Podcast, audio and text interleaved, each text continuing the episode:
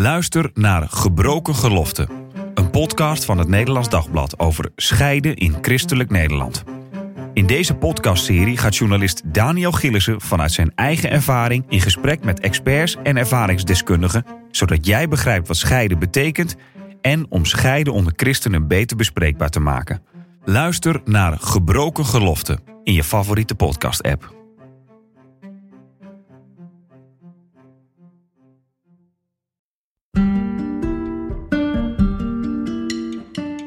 Leuk dat je luistert naar de Relatiepodcast. Iedere week praten we hier over liefde, relatie en seks. Vanuit christelijk perspectief.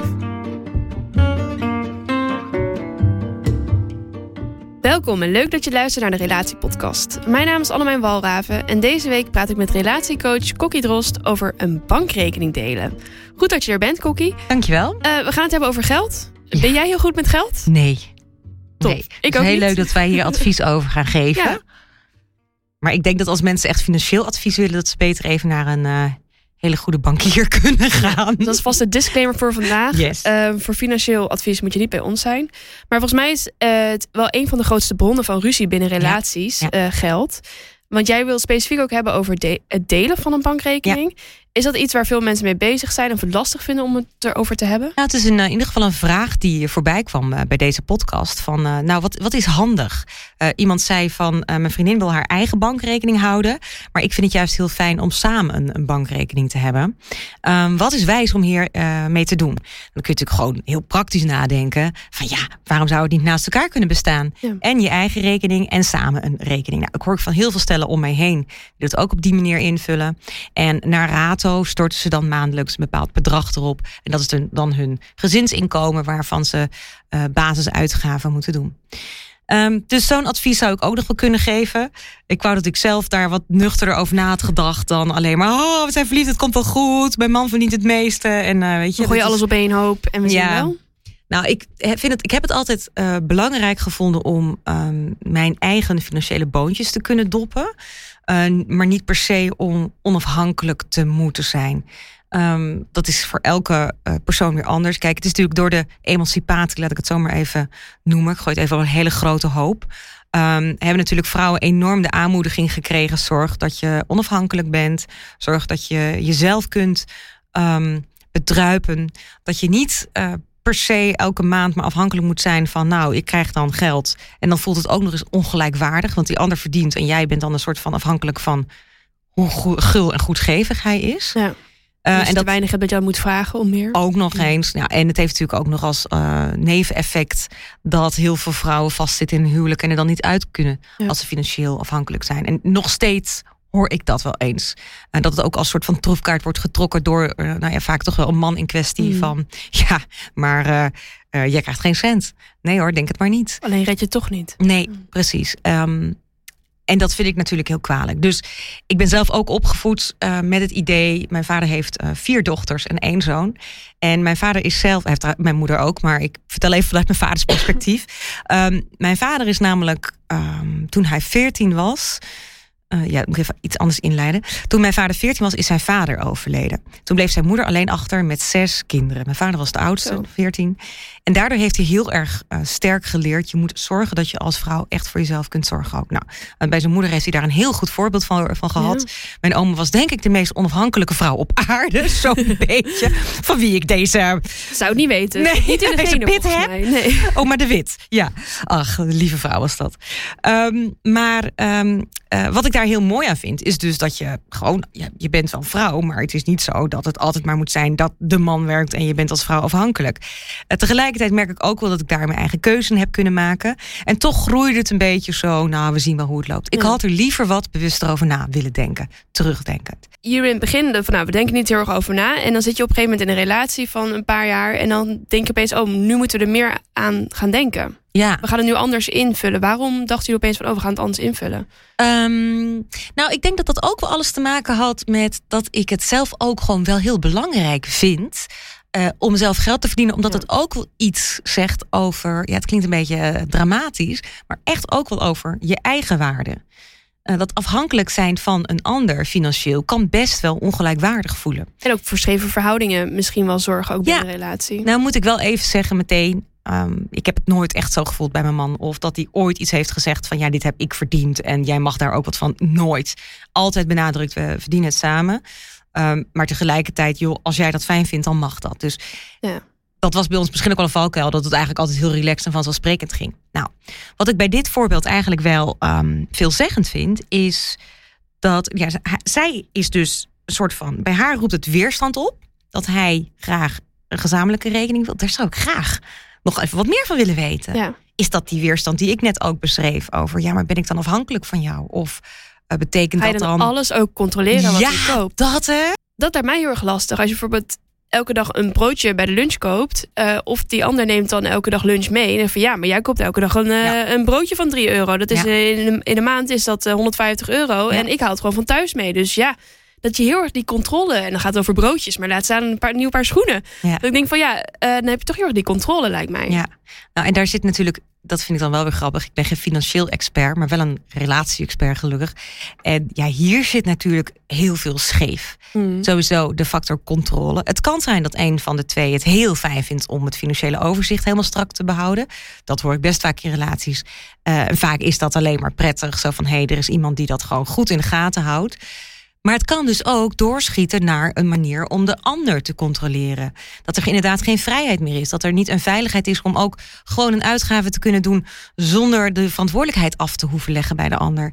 En ik denk dat even los van dat het verstandig is om goed na te denken over je financiële zaken. Want je anders ineens halfweg je, je relatie. "Huh, wat een chaos is het zit. Goed om daarover na te denken. Ga zeker naar, ergens naar een bank, laat je goed adviseren. Maar als dit een aspect speelt bij het niet willen openen van de gezamenlijke rekening, omdat je bang bent dat de ander je misschien te veel gaat controleren, of dat je bang bent dat je te veel afhankelijk wordt, Hmm. of dat je juist per se die gezamenlijke rekening wil, omdat het voor jou een soort van teken van vertrouwen is. Ho, wacht even. Dat zijn niet per se eh, de goede redenen om het wel of niet te doen. Zit daar iets meer achter? Ja, dat is precies nou, zoals bij alles hè, in deze podcast. Er is altijd een groter probleem dan je het snel even denkt op te kunnen lossen. Ja. Ja. En wat zou er bijvoorbeeld dan achter kunnen zitten? Nou, stel je nou voor, hè, jij bent dus. Ik kan me voorstellen dat deze vrouw dus echt zoiets heeft van: ik wil niet die rekening eh, gezamenlijk hebben. Want stel je nou voor dat zij van haar oma of haar moeder heeft gezien dat die niet bij haar man wegkomt omdat ze geen geld had. Ja, ik snap dat. Ik zeg niet dat, oh, dat is goed hoor. Laat je maar leiden door die angst. Dan zal ze bij zichzelf te raden moeten gaan. Wil ik die angst ook leidend laten zijn voor de keuze om niet de gezamenlijke rekening te openen? Of durf ik het met deze man wel aan? En als zij tot de conclusie komt, ik durf het wel aan, maar ik vind het toch fijn, dan mag dat ook. Hè? Er is niet een goed of fout antwoord. Maar het vraagt er wel om dat ze bij zichzelf te raden gaat. Waarom roept dit zoveel weerstand op? En misschien blijkt inderdaad dat er nog ergens in haar achterhoofd zit. Ja, maar mijn, mijn moeder is ook gescheiden en die was zo ongelukkig dat ze die angst ook weer projecteert op deze relatie. Dat, dat kan.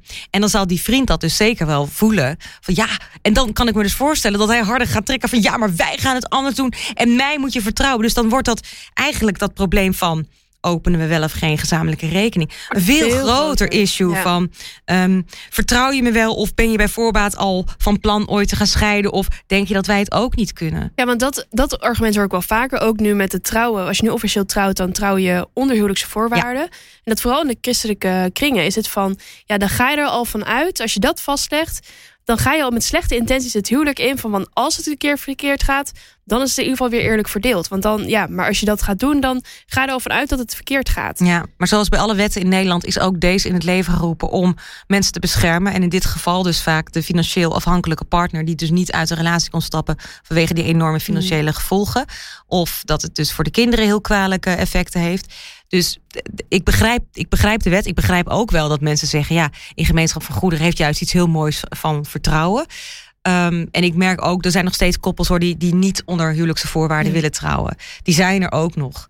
Uh, maar het is eigenlijk om een heel hoop gedoe. Wat dus blijkbaar in onze samenleving gewoon aan de orde van de dag is. Om dat te voorkomen, is deze regel uh, in het leven geroepen. En hoe zorg je ervoor? Want je zei net van, dan maak je eigenlijk van het, nou ja, de stelling van we gaan een bankrekening samen openen of Ja. niet, maak je veel groter probleem omdat je uh, ja, je bagage daarin meeneemt. Ja. Hoe maak je daar een minder groot probleem Ja. van? Of hoe kaart je dit wel gezond aan? Dat je het weer eigenlijk, ja, het begint gewoon bij. Kijk, het lijkt dus, en dat vind ik wel grappig als het over relaties gaat. Het lijkt altijd koekenij, maar er zit altijd wel een probleem onder. Kijk, je kunt het dus eerst afpellen van. Als iemand weerstand ervaart, waar, komt dat vandaan? En daar eerlijk naar gaan kijken, zonder meteen weer met die oplossing te komen, wat we het liefst doen. En dat is even in dit geval zo, want het lijkt een heel gemakkelijke oplossing, maar er zit wat meer onder.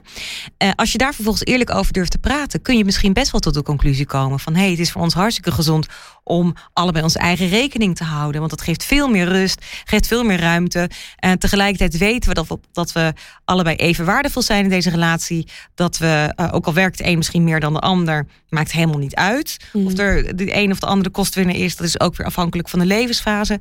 Dan kan dat prima. En dan hoeft dat helemaal niet ingewikkelder te zijn, als dat maar gewoon altijd bespreekbaar is, in eerlijkheid.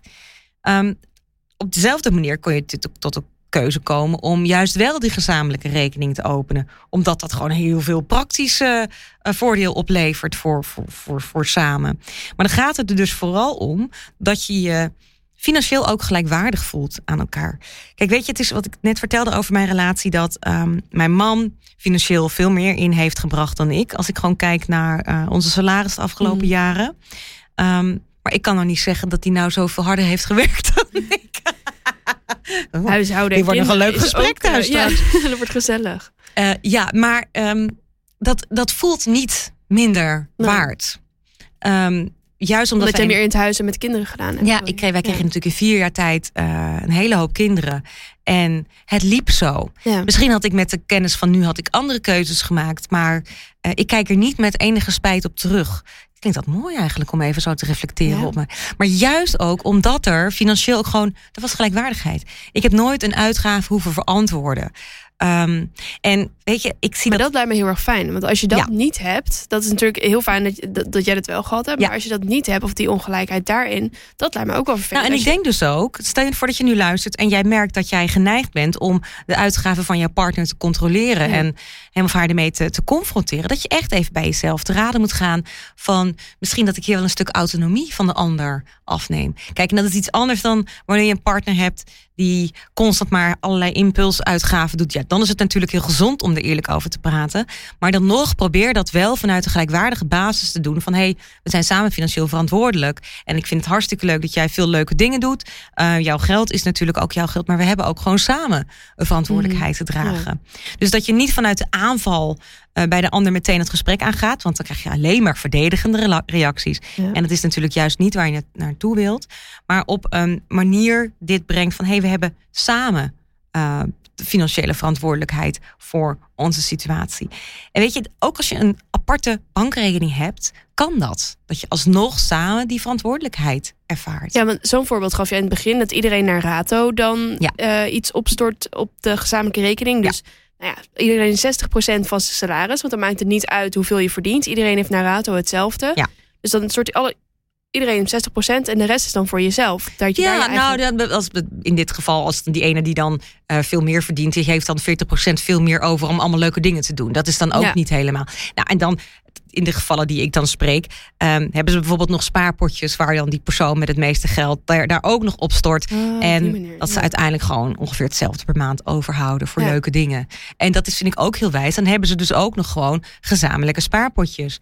Um, wat, ook wel, wat ik ook nog wel eens hoor, is dat dus één iemand die dus um, van dat deel wat voor hem of haar zelf is, daar nog weer een spaarpotje aanmaakt voor leuke reisjes voor zichzelf. Ja, het, oh. het kan in deze wereld allemaal. En die, ja. die bankier-apps, dat vind ik echt een uitkomst voor mijn chaotische hoofd. Waren die er maar geven. fantastisch. Dan heb je allemaal Ja. leuke spaarpotjes. Um, en ik, ik vind zelf dat het gewoon heel veel um, openheid biedt. Sowieso vind ik het eigenlijk een beetje raar dat we over finan- financiën niet zoveel praten. Want heel veel relaties stranden hierop. Ja. Financiën kan een enorm stressfactor zijn in een relatie. En dan kunnen we wel proberen al die financiële oplossingen maar weer aan te leveren. Van nou, als je dat zo doet en zo en zo, dan is het allemaal opgelost. Uiteindelijk, en dat geldt voor alles in een relatie, gaat het erom, is die basis gelijkwaardig. Want als jij al in de relatie je niet gelijkwaardig voelt aan elkaar. Je voelt je emotioneel niet, niet vol, uh, voor vol aangezien. Ga dan maar het financiële gesprek aan. Dat, bijvoorbeeld, ja, ik heb het natuurlijk heel vaak over seks. Daar is het precies hetzelfde. Als je al niet die gelijkwaardigheid voelt, je voelt je al niet gezien, ga er dan maar eens over praten. Omdat seks ook een kwetsbaar onderwerp is. En financiën dus blijkbaar ook Ja. voor een hele hoop mensen.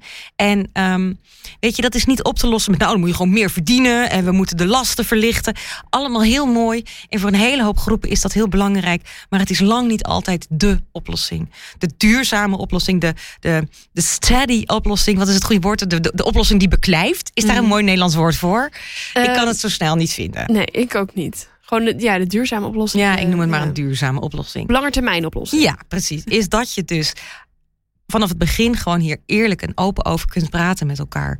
Dat het soms het geval is dat er een meer verdient dan de ander. Dat kan, maar dat betekent niet dat de een dan ook daadwerkelijk meer inbrengt of Nee. doet voor het gezin. Weet je, heel veel werk is niet met geld ehm, uit te betalen. Eh, wat ik wel zo vind, stel je ervoor dat een van de twee daadwerkelijk harder werkt en de ander zit alleen maar niks te doen. Ja, dan zal je toch even aan de bel moeten trekken. Ja. En wanneer moet je hiermee beginnen? Stel je voor, je hebt een relatie van een Ja. jaar... of je, gaat, je wil misschien volgend jaar trouwen. Je hebt het daarover of samenwonen. Ja. wanneer ga je daarover beginnen? Of wanneer ga je het aankaarten? Ja. Nou, ik denk zeker bij, bij plannen als samenwonen of trouwen, dat dat echt bij uitstek gelegenheden zijn om eens te gaan kijken van wat kunnen we eh, spenderen? Eh, wat is jouw inkomen? En op welke manier gaan we dit samen vormgeven? Als je dat vanaf het begin al op een eerlijke manier kunt bespreken met elkaar. Ja, er zit natuurlijk zoveel in. Want dan heb je dus ook weer dat onderdeel van de communicatietest. Kun je hier Mhm. goed met elkaar over Ja. praten.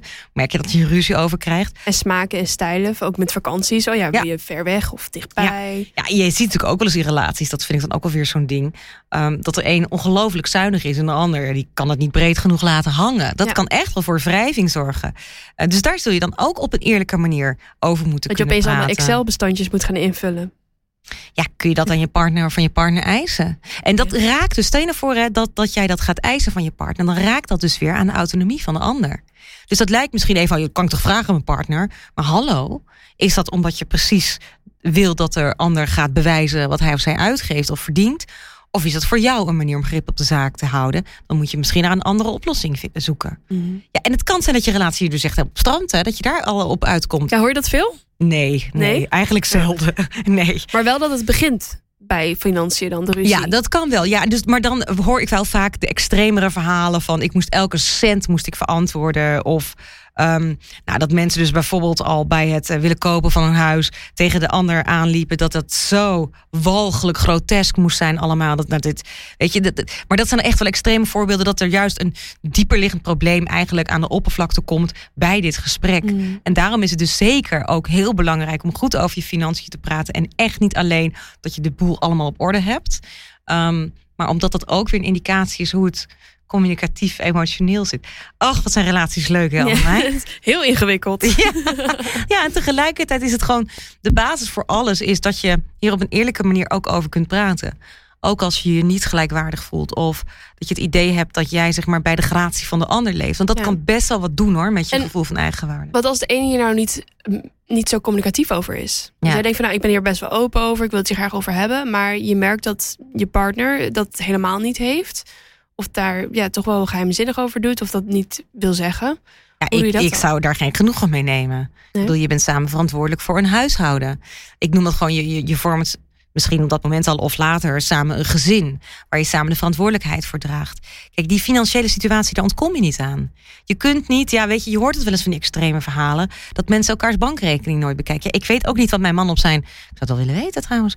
Op zijn spaarrekening heeft staan nu. Ehm, wel ongeveer, maar als ik het hem vraag, zou ik me dat heus vertellen. Ja. Maar dit heeft absoluut niet mijn, mijn interesse. Sorry.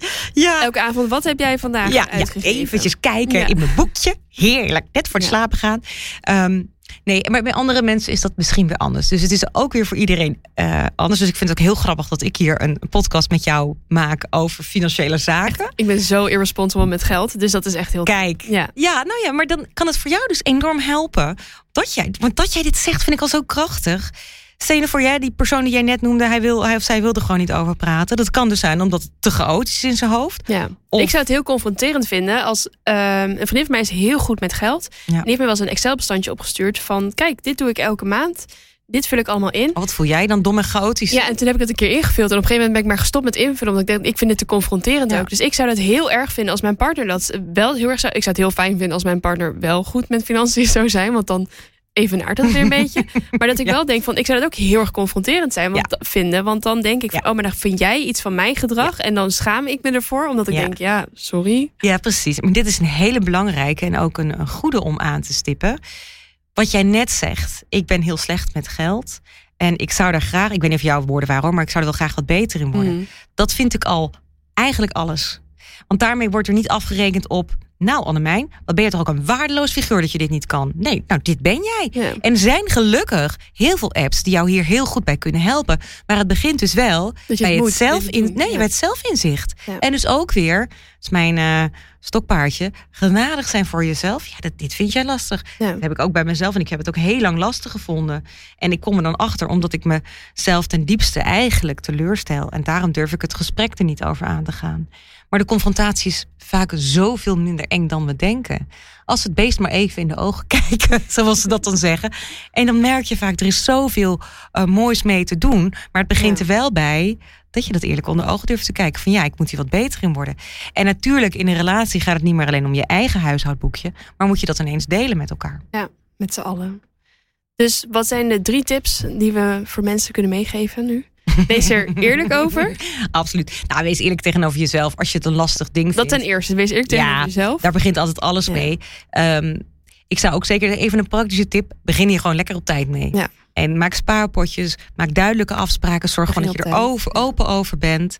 Ehm, en merk jij, ja, dat is Ja. de communicatie. Maar merk jij dat je het idee hebt dat jij ehm, ofwel je partner controleert, of jij bent de gecontroleerde, of je hebt het idee, ben ik wel voorwaardig omdat ik minder inbreng, dan moet je echt wel even wat dingen opengooien. Ja. Ja, en dat zijn dus meer oplossingen dan alleen de praktische. Dan gaat het ook over eh samenzoeken van ehm, dat je allebei ook echt gelooft dat je gewoon even waardevol en, en gelijkwaardig bent in de financiële kant van jullie relatie. Als je die is er gewoon ook. Ga even dieper van kijken. Waarom Ja, je zeker. En dat is niet gemakkelijk. Dat is het echt niet. Ehm, maar ik denk als je elkaar wilt vinden, dat geldt bijvoorbeeld ook op zoveel andere aspecten van het leven. Ik wilde zeggen, geldt bijvoorbeeld ook op seksueel gebied. En dat is wel echt waar. Mhm. Ehm, dan moet je soms even resetten om uiteindelijk weer de, de beste oplossing te vinden samen. Top. Nou, heel erg bedankt, Mooi? Kokkie. hoopvol weer, hè? Ja, dit is een goede afsluiter. Ja. De column van Cookie zet ik ook in de beschrijving van deze podcastaflevering. En heb je nou ook een vraag over relaties, liefde of seks waar je graag antwoord op wil? Mail hem dan naar podcast.nd.nl.